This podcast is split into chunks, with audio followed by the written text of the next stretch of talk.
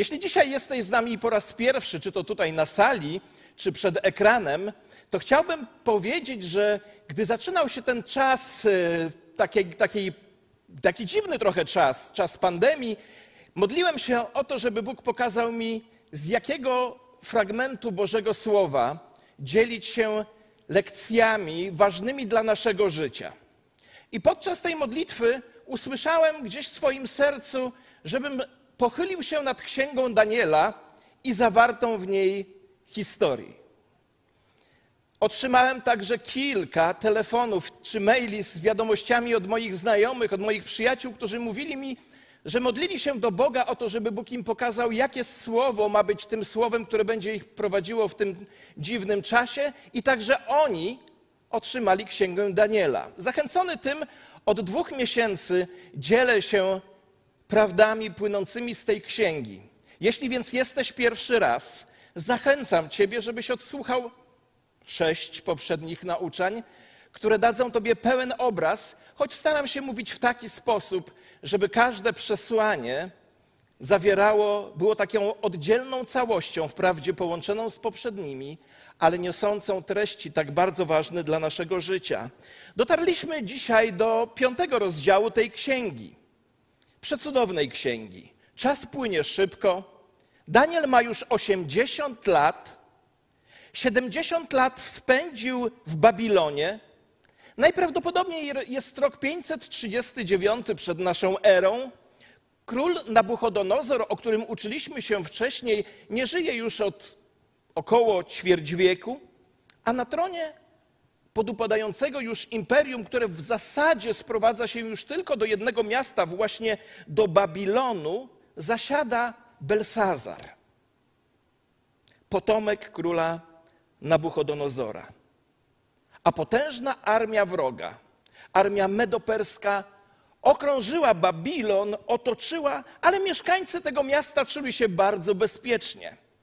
W końcu miasto było otoczone potężnym, podwójnym murem. Ogromna rzeka Eufrat stanowiła ogromną, wręcz nie do, nie do przebycia przeszkodę dla wrogów, a historycy mówią, że zaopatrzenie w żywność było przygotowane na 20 lat. Trudno więc się dziwić, że mieszkańcy tego miasta, Babilonu, uważali, że są niezwyciężeni i że żadna armia nie jest w stanie ich podbić. Byli przekonani, że przeżyją każde oblężenie. I tak właśnie dotarliśmy do siódmej części nauczania z cyklu Nieustraszona wiara w burzliwych czasach, a tytuł dzisiejszego odcinka brzmi Gdy Bóg pisze na ścianie. Ale zacznijmy, żeby Was zainteresować, zaczniemy. Mam taki pierwszy punkt w moich notatkach pijacka orgia. Zaczniemy więc od tego rozdziału. Miasto oblegał wróg, a król Belsazar zarządził pijańską orgię w celu podniesienia na duchu obywateli miasta.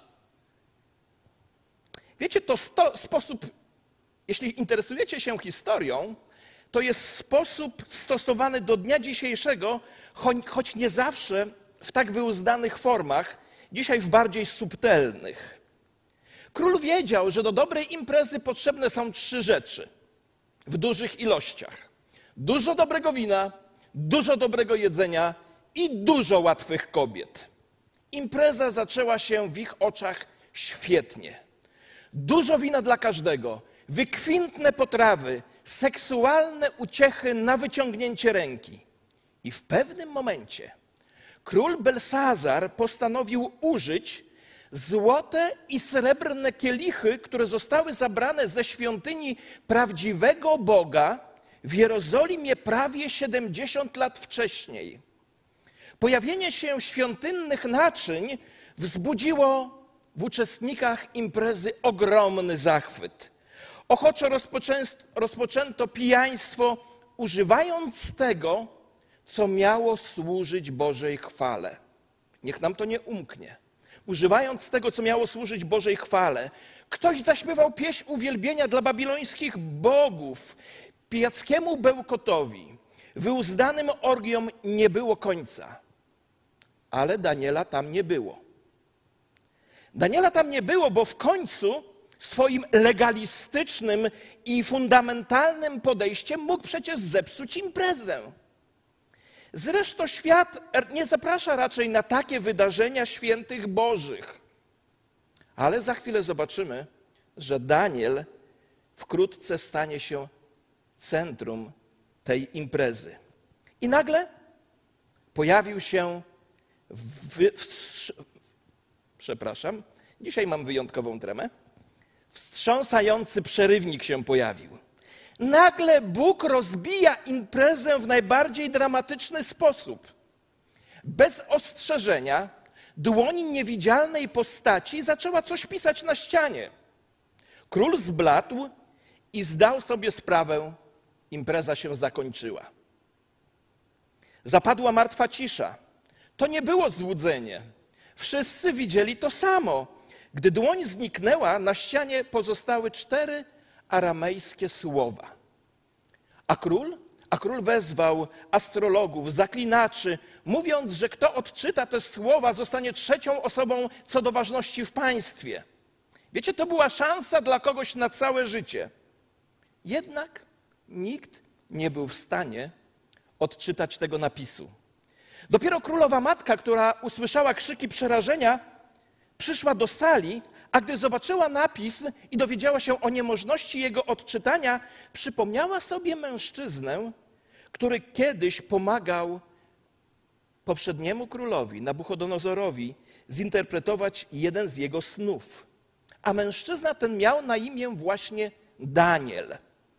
Wiele lat temu przybył jako nastolatek do Babilonu w gronie żydowskich zakładników zabranych podczas pierwszej deportacji z Jerozolimy. Powiedziała więc królowa matka swojemu synowi następujące słowa. Jest w Twoim królestwie mężczyzna, w którym jest duch świętych bogów, w którym za dni Twego ojca znalazły się światło, rozum i mądrość podobna do mądrości bogów, i którego król Nabuchodonozor, Twój ojciec, mówię Ci, Twój ojciec, król ustanowił przełożonym magów, astrologów, chaldejczyków i wróżbitów, dlatego, że znalazł się w nim nadzwyczajny duch, wiedza, rozum, wykładanie snów, objawianie zagadek i rozwiązywanie rzeczy trudnych. W Danielu, któremu król nadał imię Belteszasar. Niech więc teraz wezwą Daniela, a on oznajmi znaczenie pisma. Król więc wezwał Daniela. Daniel był niewolnik, niegdyś nastoletni zakładnik, teraz jest starcem. Przez całe życie służył na dworze królów babilońskich. Niejednokrotnie wyciągał króla Nabuchodonozora z jego uwikłań. Daniel był wiernym Bogu przez całe swoje życie. Ani razu nie naraził na szwank swoich wartości, chociaż całe życie przeżył w pogańskiej ziemi, służąc pogańskiemu rządowi. W jakiś sposób udało mu się zachować niewzruszone wartości podczas służby w Babilonie, a jednak można. Teraz jest wezwany do swego ostatniego aktu służby królowi babilońskiemu. I wiecie, co jest ciekawe w tej historii? Posłuchajcie uważnie. Otóż, kiedy świat się bawi, dzieci Boże nie są tam zapraszane. Nie pasujemy tam. Nasze wartości byłyby po prostu uciążliwe i psułyby zabawę. Ale gdy tylko pojawiają się problemy, rozpadają się małżeństwa, dzieci popadają w kłopoty, podupada zdrowie czy kariera się chwieje, to wiecie, kogo świat wzywa? Wiecie, kto wtedy światu jest potrzebny? Wtedy świat wzywa wiernych mężczyzn i kobiety, którzy znają Boga. Daniel nie został zaproszony na przyjęcie, ale kiedy Bóg zainterweniował i nikt nie otrzymał odpowiedzi, nagle Daniel był jedynym człowiekiem, którego król chciał widzieć i słyszeć. A teraz posłuchajcie uważnie. Nastawcie uszu. Posłuchajcie tej myśli. Nigdy w pełni nie znamy naszego wpływu dopóki nie nadejdzie kryzys. Słyszycie? Nigdy w pełni nie znamy naszego wpływu, dopóki nie nadejdzie kryzys. Posłuchaj, możesz nie być zaproszony na żadną imprezę, ale otrzymasz wezwanie, gdy pojawią się problemy. A kiedy już to nastąpi, bądź odważny, aby mówić prawdę w miłości. Nigdy nie lekceważ potęgi Bożego życia w tobie. Nawet jeśli uważamy, że nikt na nas nie zwraca uwagi, to posłuchajcie. Ludzie w świecie bardzo nas obserwują, a jeśli będziemy wierni Bogu, to gdy nadejdą kłopoty, będą wiedzieć, kogo wzywać. Wiem to z własnego doświadczenia, kiedy z jednym z prezydentów modliłem się w jego pokoju, gdy przyszły problemy. Mówiliśmy już o imprezie, mówiliśmy o wstrząsającym przerywniku, a teraz posłuchajmy przez chwilę o potępiającym akcie oskarżenia. Król Belszazar złożył Danielowi tę samą propozycję co magom. On jednak odmawia nagrody. On tego nie potrzebuje, on tego nie chce, ale chętnie wytłumaczy znaczenie tego tajemniczego pisma. Zaczyna od udzielenia królowi lekcji z historii, z teologii i z czytania. Przypomina królowi o tym, co stało się z Nabuchodonozorem, kiedy stał się arogancki, a jego serce było pełne dumy. Pamiętacie? Bóg ukorzył go, pozbawiając go rozsądku i zmuszając do jedzenia trawy, jak zwierzęta polne, i trwało to siedem lat, dopóki Nabuchodonozor, tak bardzo dumny i pyszny król, nie uznał, że to Bóg jest suwerenny we wszystkich sprawach życia. A potem Daniel kieruje do króla takie zdanie – ty też, Belsazarze, jego synu, nie ukorzyłeś swojego serca, chociaż o tym wszystkim wiedziałeś. Słyszycie? Chociaż o tym wszystkim wiedziałeś. Mnie zawsze, mnie zawsze przerażało i przeraża do tej pory, gdy władza, czy władcy, czy nawet zwyczajni ludzie nie wyciągają lekcji z historii, lub tę historię zmieniają. Powtarzam to zdanie często, bo chcę Was wyczulić na to. Mnie zawsze przerażało, gdy władza, władca, a nawet pojedynczy ludzie nie wyciągają lekcji z historii lub tę historię zmieniają. Daniel mówi: Królu, powinieneś nauczyć się lekcji z historii. Powinieneś. Nieznajomość tych lekcji to jest fatalny błąd. Nie wyciągając lekcji z historii, mówi Daniel, uniosłeś się przeciwko Panu nieba i naczynia jego domu przyniesiono przez ciebie, a ty, twoi książęta, twoje żony, twoje nałożnice, piliście wino z nich. Ponadto chwaliłeś bogów ze srebra, złota, brązu, żelaza, drewna i kamienia, które nie widzą, ani nie słyszą i nic nie wiedzą. Bogu zaś, w którego ręku jest Twoje tchnienie i u którego są wszystkie Twoje drogi, nie oddałeś czci. Dlatego przez Niego została posłana część ręki i pismo to zostało napisane. A to jest pismo, które zostało napisane. Mene, mene, tekel uparsin. Wiecie, wyjaśnienie Daniela tego napisu jest krótkie i w punkt. Mene, Bóg policzył Twoje królestwo i doprowadził je do końca. Przyszedł kres, inaczej mówiąc. Tekel, zważono Cię na wadze i okazałeś się lekki. To jest sąd. Peres, Twoje królestwo zostało podzielone i oddane Medom i Persom. Werdykt jest: zostałeś pozbawiony wszystkiego. Król uwierzył Danielowi i rozkazał, by otrzymał on specjalną fioletową czy purpurową szatę z wielkim łańcuchem ze złota.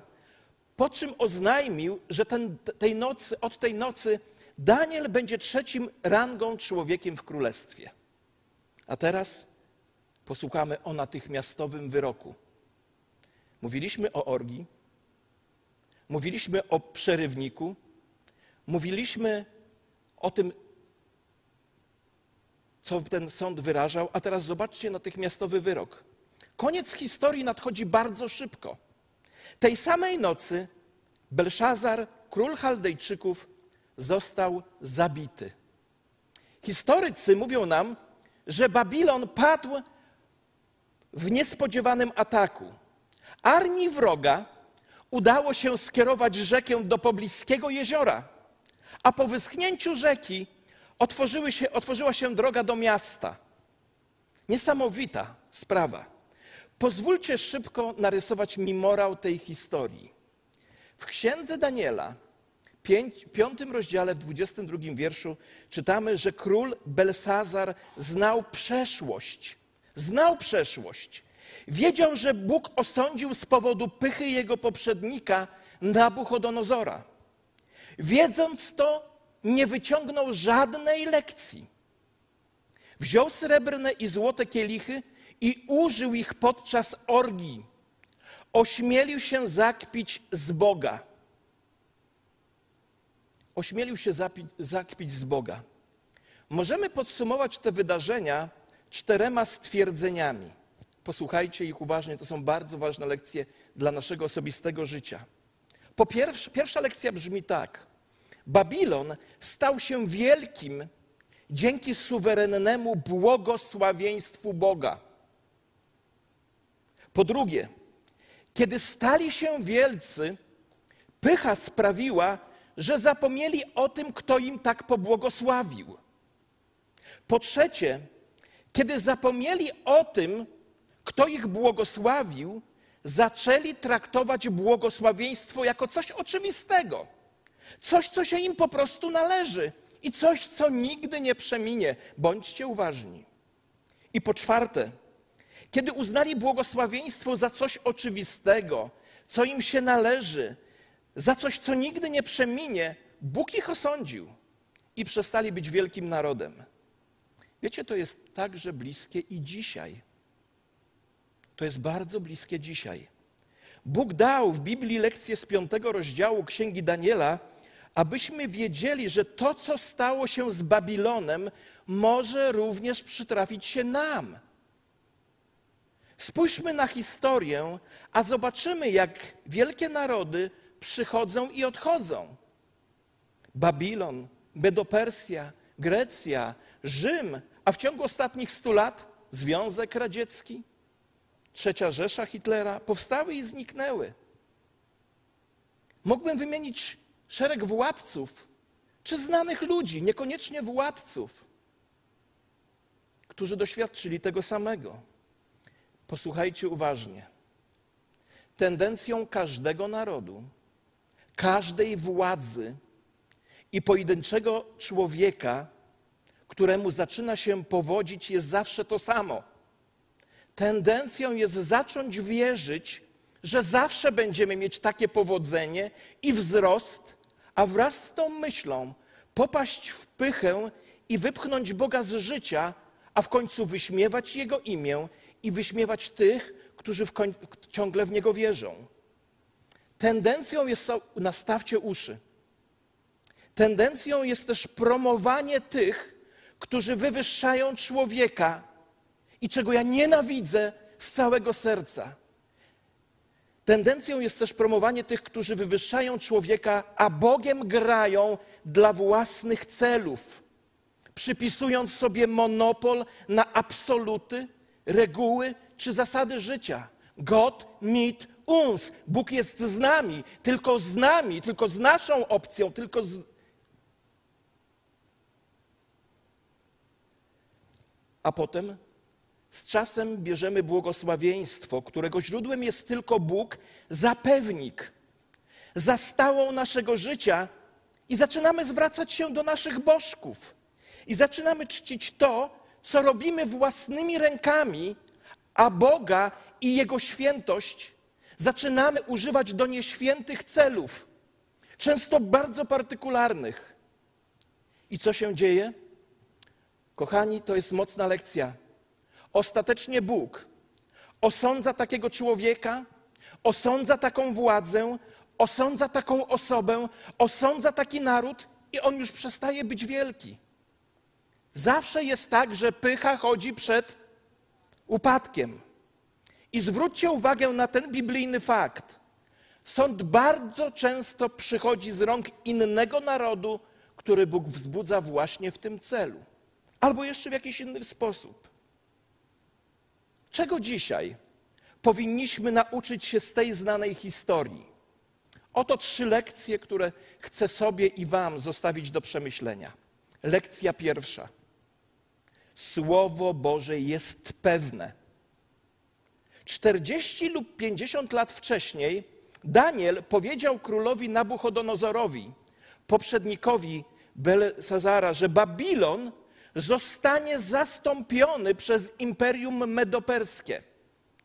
I w tym momencie tak naprawdę nie było powodu, żeby traktować poważnie tej przepowiedni. Ale stało się tak, jak mówił prorok Daniel. I posłuchajcie uważnie. To samo dotyczy wszystkiego, co znajduje się w Bożym Słowie. Wszystko to się stanie wcześniej czy później. Nic nie pozostanie z Bożego Słowa niespełnione. Belszazar odkrył tę prawdę na własnej skórze. Jeśli Bóg coś mówi, możesz być tego pewien, że wcześniej czy później to się stanie. A mówi choćby o tym, że pewnego dnia każdy z nas kiedyś przed nim stanie, żeby zdać sprawę ze swojego życia. To się wydarzy. Czy w to wierzysz, czy nie? Słowo Boże o tym mówi i tak się stanie. Pewnego dnia staniemy przed Bogiem, by zdać sprawę ze swojego życia. Po pierwsze więc, Słowo Boże jest pewne. Po drugie, posłuchajcie tego uważnie.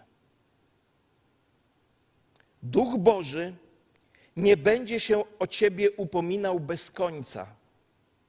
Ja wiem, można się z tym zgodzić lub nie zgodzić. I myślę, że to jest w ten sposób, że nie, tylko, nie tyle, że Bóg się przestaje do nas dobijać, ale być może ktoś z Was miał takie zdarzenie w swoim życiu, że szedł spać do pomieszczenia, w którym wisi zegar. Miał ktoś z Was takie doświadczenie? Słychać na początku tykanie? Proszę? A z biegiem czasu słychać tykanie? Coraz ciszej, coraz ciszej, coraz ciszej. Czy zegar przestaje tykać? My przestajemy być wrażliwi na niego. Posłuchajcie, Duch Boży nie będzie się o ciebie upominał bez końca. Możesz po prostu siebie zagłuszyć. Grzesząc, grzesząc lubimy wierzyć, że Bóg nigdy nas nie ukaże.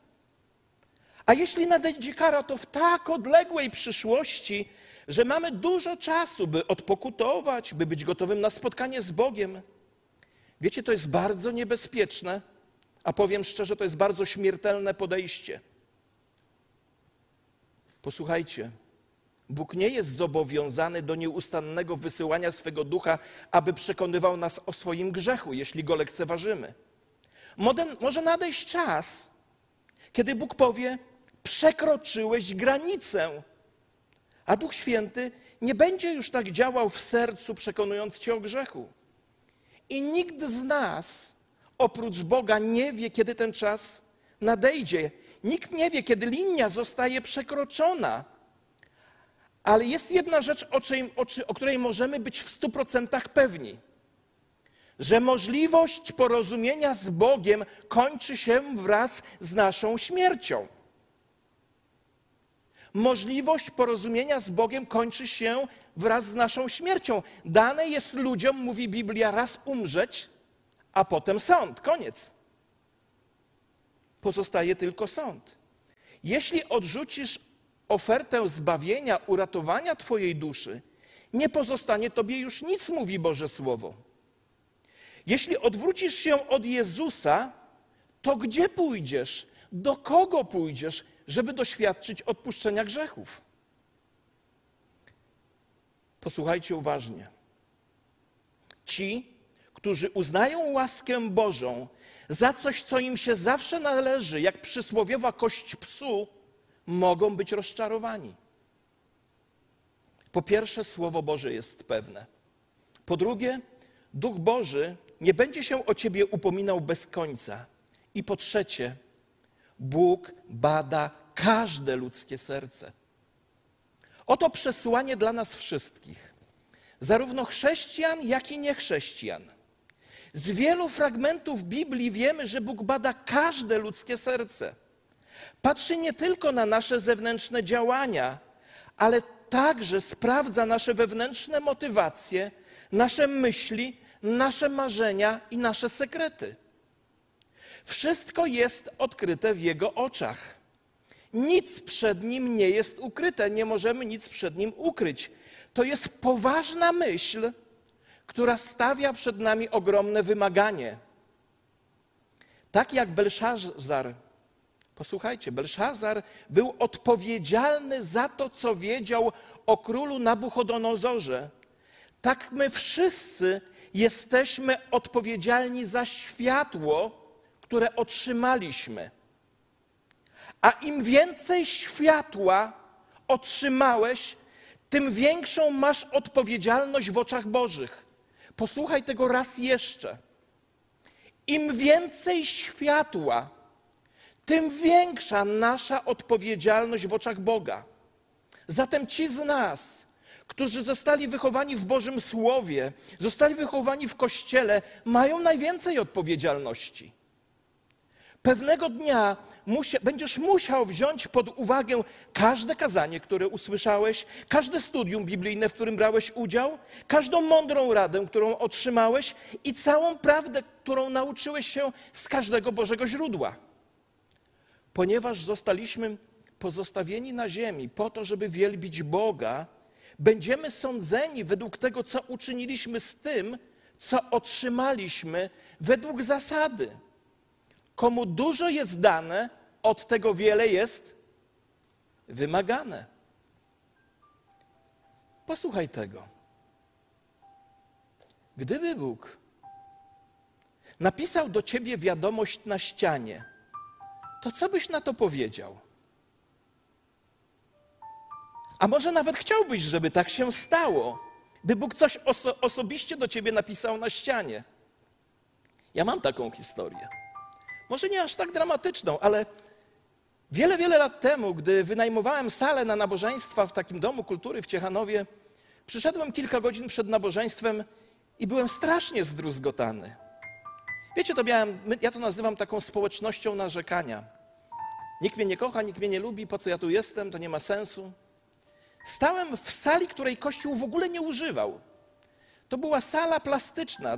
Dzieci przychodziły tam na zajęcia dodatkowe z plastyki. Zobaczyłem, że jakiś zeszyt ucznia leży przede mną. I mówię, dobra, Panie Boże, jeśli chcesz mi coś powiedzieć, to niech w tym zeszycie, który za chwilę na chybił trafił, otworzę. To nie był zeszyt od religii, to nie był w ogóle sala związana z religią czy z kościołem, z niczym. To była sala związana z zajęciami plastycznymi. Powiedziałem, Boże, jeśli chcesz mi coś powiedzieć, to ja otworzę to na chybił trafił, niech tam będzie słowo dla mnie od Ciebie. Nie uwierzycie. Otworzyłem, a tam był jeden napis, jedno zdanie. Wkrótce przyjdę, Jezus. Może chciałbyś, by Bóg coś do ciebie napisał osobiście na ścianie, ale chcę ci powiedzieć, że On napisał do ciebie list dwa tysiące lat temu i podpisał go krwią swego syna, a treść tego listu brzmi: Kocham cię, kocham cię, kocham cię. I jest to napisane słowami, które każdy z nas może zrozumieć. Nie potrzebujemy tłumaczy, magów czy kogokolwiek. Kocham Cię. Kiedy Jezus umierał, zawołał: Wykonało się. I miał na myśli, że dzieło zbawienia jest kompletne, że nic nie można już do niego dodać ani z niego ująć. Co jeszcze Bóg musi Tobie i mnie powiedzieć, czego nie powiedział przez swojego syna Jezusa Chrystusa? Dlaczego mielibyśmy chcieć czegoś więcej niż Jezusa? Pewnego dnia każdy z nas będzie indywidualnie stawać przed Bogiem. To będzie nasze mene mene. To będzie nasze Bóg policzył Twoje dni i nie tylko, i doprowadził sprawę Twojego życia do końca. Każdy z nas doświadczy mene mene. Wiem, że niektórzy ludzie myślą, że to będzie tak, że wtedy Bóg zważy ich dobre uczynki w stosunku do złych uczynków, a jeśli dobro przeważy zło, to zostaną dopuszczeni do nieba. Strasznie miła myśl, ale zwodnicza w jednym kluczowym punkcie. Jeśli ośmielisz się stanąć przed Bogiem na podstawie własnych zasług, zakładając, że ofiarujesz Bogu swoją prawość, sprawiedliwość, jako bilet wstępu do nieba, popełniasz ogromny błąd. Bo w tym dniu odkryjesz, że Twoje grzechy są jak potężna, wielka góra sięgająca do nieba. Tak będą wielkie Twoje grzechy. A Twoje dobre, domniemane uczynki będą bez żadnego znaczenia.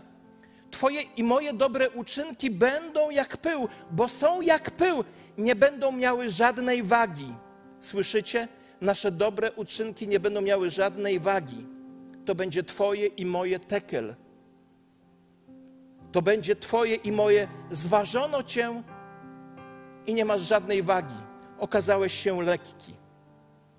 I wiecie, właśnie z tego powodu, że każdy z nas będzie miał swoje mene mene, koniec, każdy będzie miał swoje tekel, w którym się okaże, że nie mamy nic, żadnej wagi, żadnego ciężaru dobrych rzeczy, które możemy ofiarować przed Bogiem. Dlatego potrzebujemy kogoś, kto stanie na naszym miejscu na szali sprawiedliwości. Wyobraźcie sobie wagę, tak jak dawniej to bywało o dwóch szalach. Potrzebujemy kogoś, kto stanie po naszej stronie.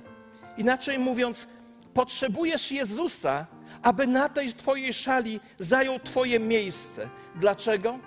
Bo On nigdy nie zgrzeszył. Ani w myślach, ani w słowach, ani w czynach. Swoją doskonałą sprawiedliwością dopełnił Bożego prawa w każdym jego szczególe.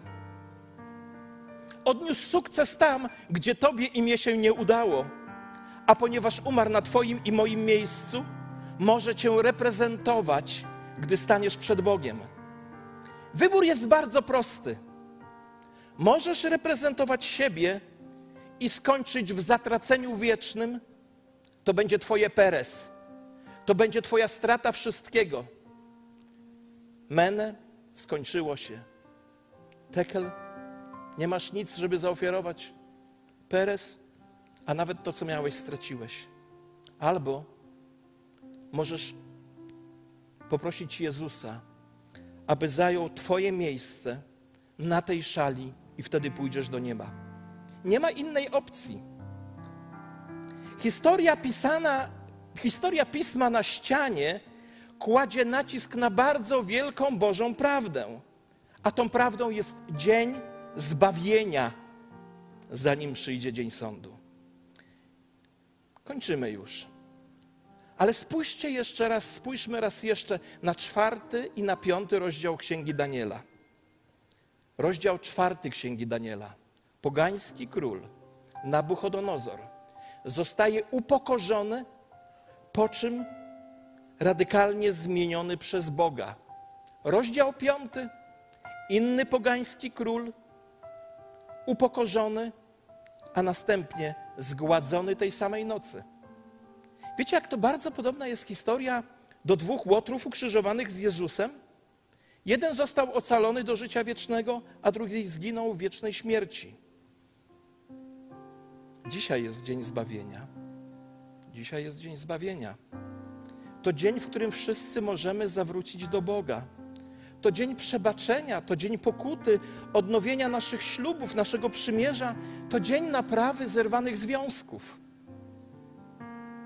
Tak jak Bóg ukorzył dumnych królów, może uczynić z nami. Te dwa rozdziały pokazują nam, że miejsce nasze jest u stóp Boga w posłuszeństwie, uległości i wdzięczności. Ja lubię ten przykład z dwoma szalami wagi. Na jednej szali jest Bóg w swojej doskonałości i świętości, taki odważnik, który nazywa się Bóg, a na drugiej szali my. I jeśli jesteśmy doskonali, święci, niewinni, jak sam Bóg, jeśli, jeśli, jest, jeśli w swojej świętości jesteśmy tak doskonali jak sam Bóg, to mam do Was dobrą nowinę.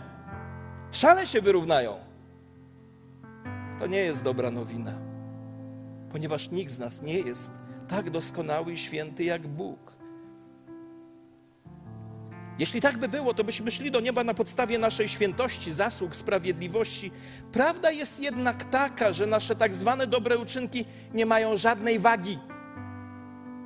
Jeśli więc chcemy pójść do nieba, musimy zaprosić na naszą szalę kogoś równie świętego i doskonałego jak Bóg, a tym kimś jest tylko i wyłącznie Jezus i nikt więcej. Zaproś więc go na swoją szalę, na swoją stronę, a Twój brak wagi zostanie zastąpiony Jego wartością, która jest równa samemu Bogu. Lubicie dobre nowiny? Jezus nadaje ciężar gatunkowy naszemu życiu. Nikt inny. Zaproś więc go do swojego życia. Nie bądź jak król Belsazar, który przeżył ostrzeżenie i z historii nie wyciągnął wniosków. Zaproś dzisiaj Jezusa, bo nigdy nie wiesz, kiedy czas, dzień zbawienia się skończy. Dlatego autor listu do Hebrajczyków mówi: Oto dzisiaj dzień zbawienia. Nie zatwardzajcie więc serc waszych, a Ozeasz powiedział: Chodźmy i zawróćmy do Pana, bo On nas poszarpał i On nas uzdrowi. Uderzył, ale opatrzy nasze rany, ożywi nas po dwóch dniach, a trzeciego dnia wzbudzi nas i będziemy żyć przed Jego obliczem.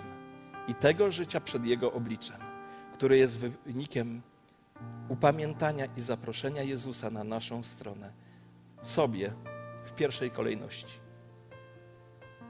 I Wam życzę. Pochylmy nasze głowy w modlitwie. Panie, posłałeś dzisiaj to słowo, by nam przypomnieć, że nie możemy igrać z grzechem w naszym życiu. Że przyjdzie kiedyś ten dzień sądu, kiedyś się wszystko skończy kiedy staniemy przed Tobą i dziękuję Ci, że już dzisiaj przypominasz, że nasze życie, tak zwane dobre uczynki, nie mają żadnego ciężaru gatunkowego. Panie, tak trudno nam się przyznać w naszej pysze, że ma, nie mamy nic. Ale taka jest prawda, Boże. I za tę prawdę chcę Ci podziękować, bo ona kieruje nasz wzrok do tego, który nadaje ciężar naszemu życiu, ciężar gatunkowy, do Jezusa Chrystusa, który równoważy w naszym życiu Twoją świętość, Twoją sprawiedliwość i wszelkie Twoje oczekiwania. Panie Jezu, dziękuję Ci, że chcesz być zaproszony przez każdego z nas. Nikogo nie odrzucasz, ale na zaproszenie, byś stanął po naszej stronie, stawiasz się u naszego boku, by być z nami do końca naszych dni, a kiedy staniemy przed Twoim Ojcem, by być odważnikiem naszego życia przed sądem. Dziękuję Ci za to, Panie. Amen.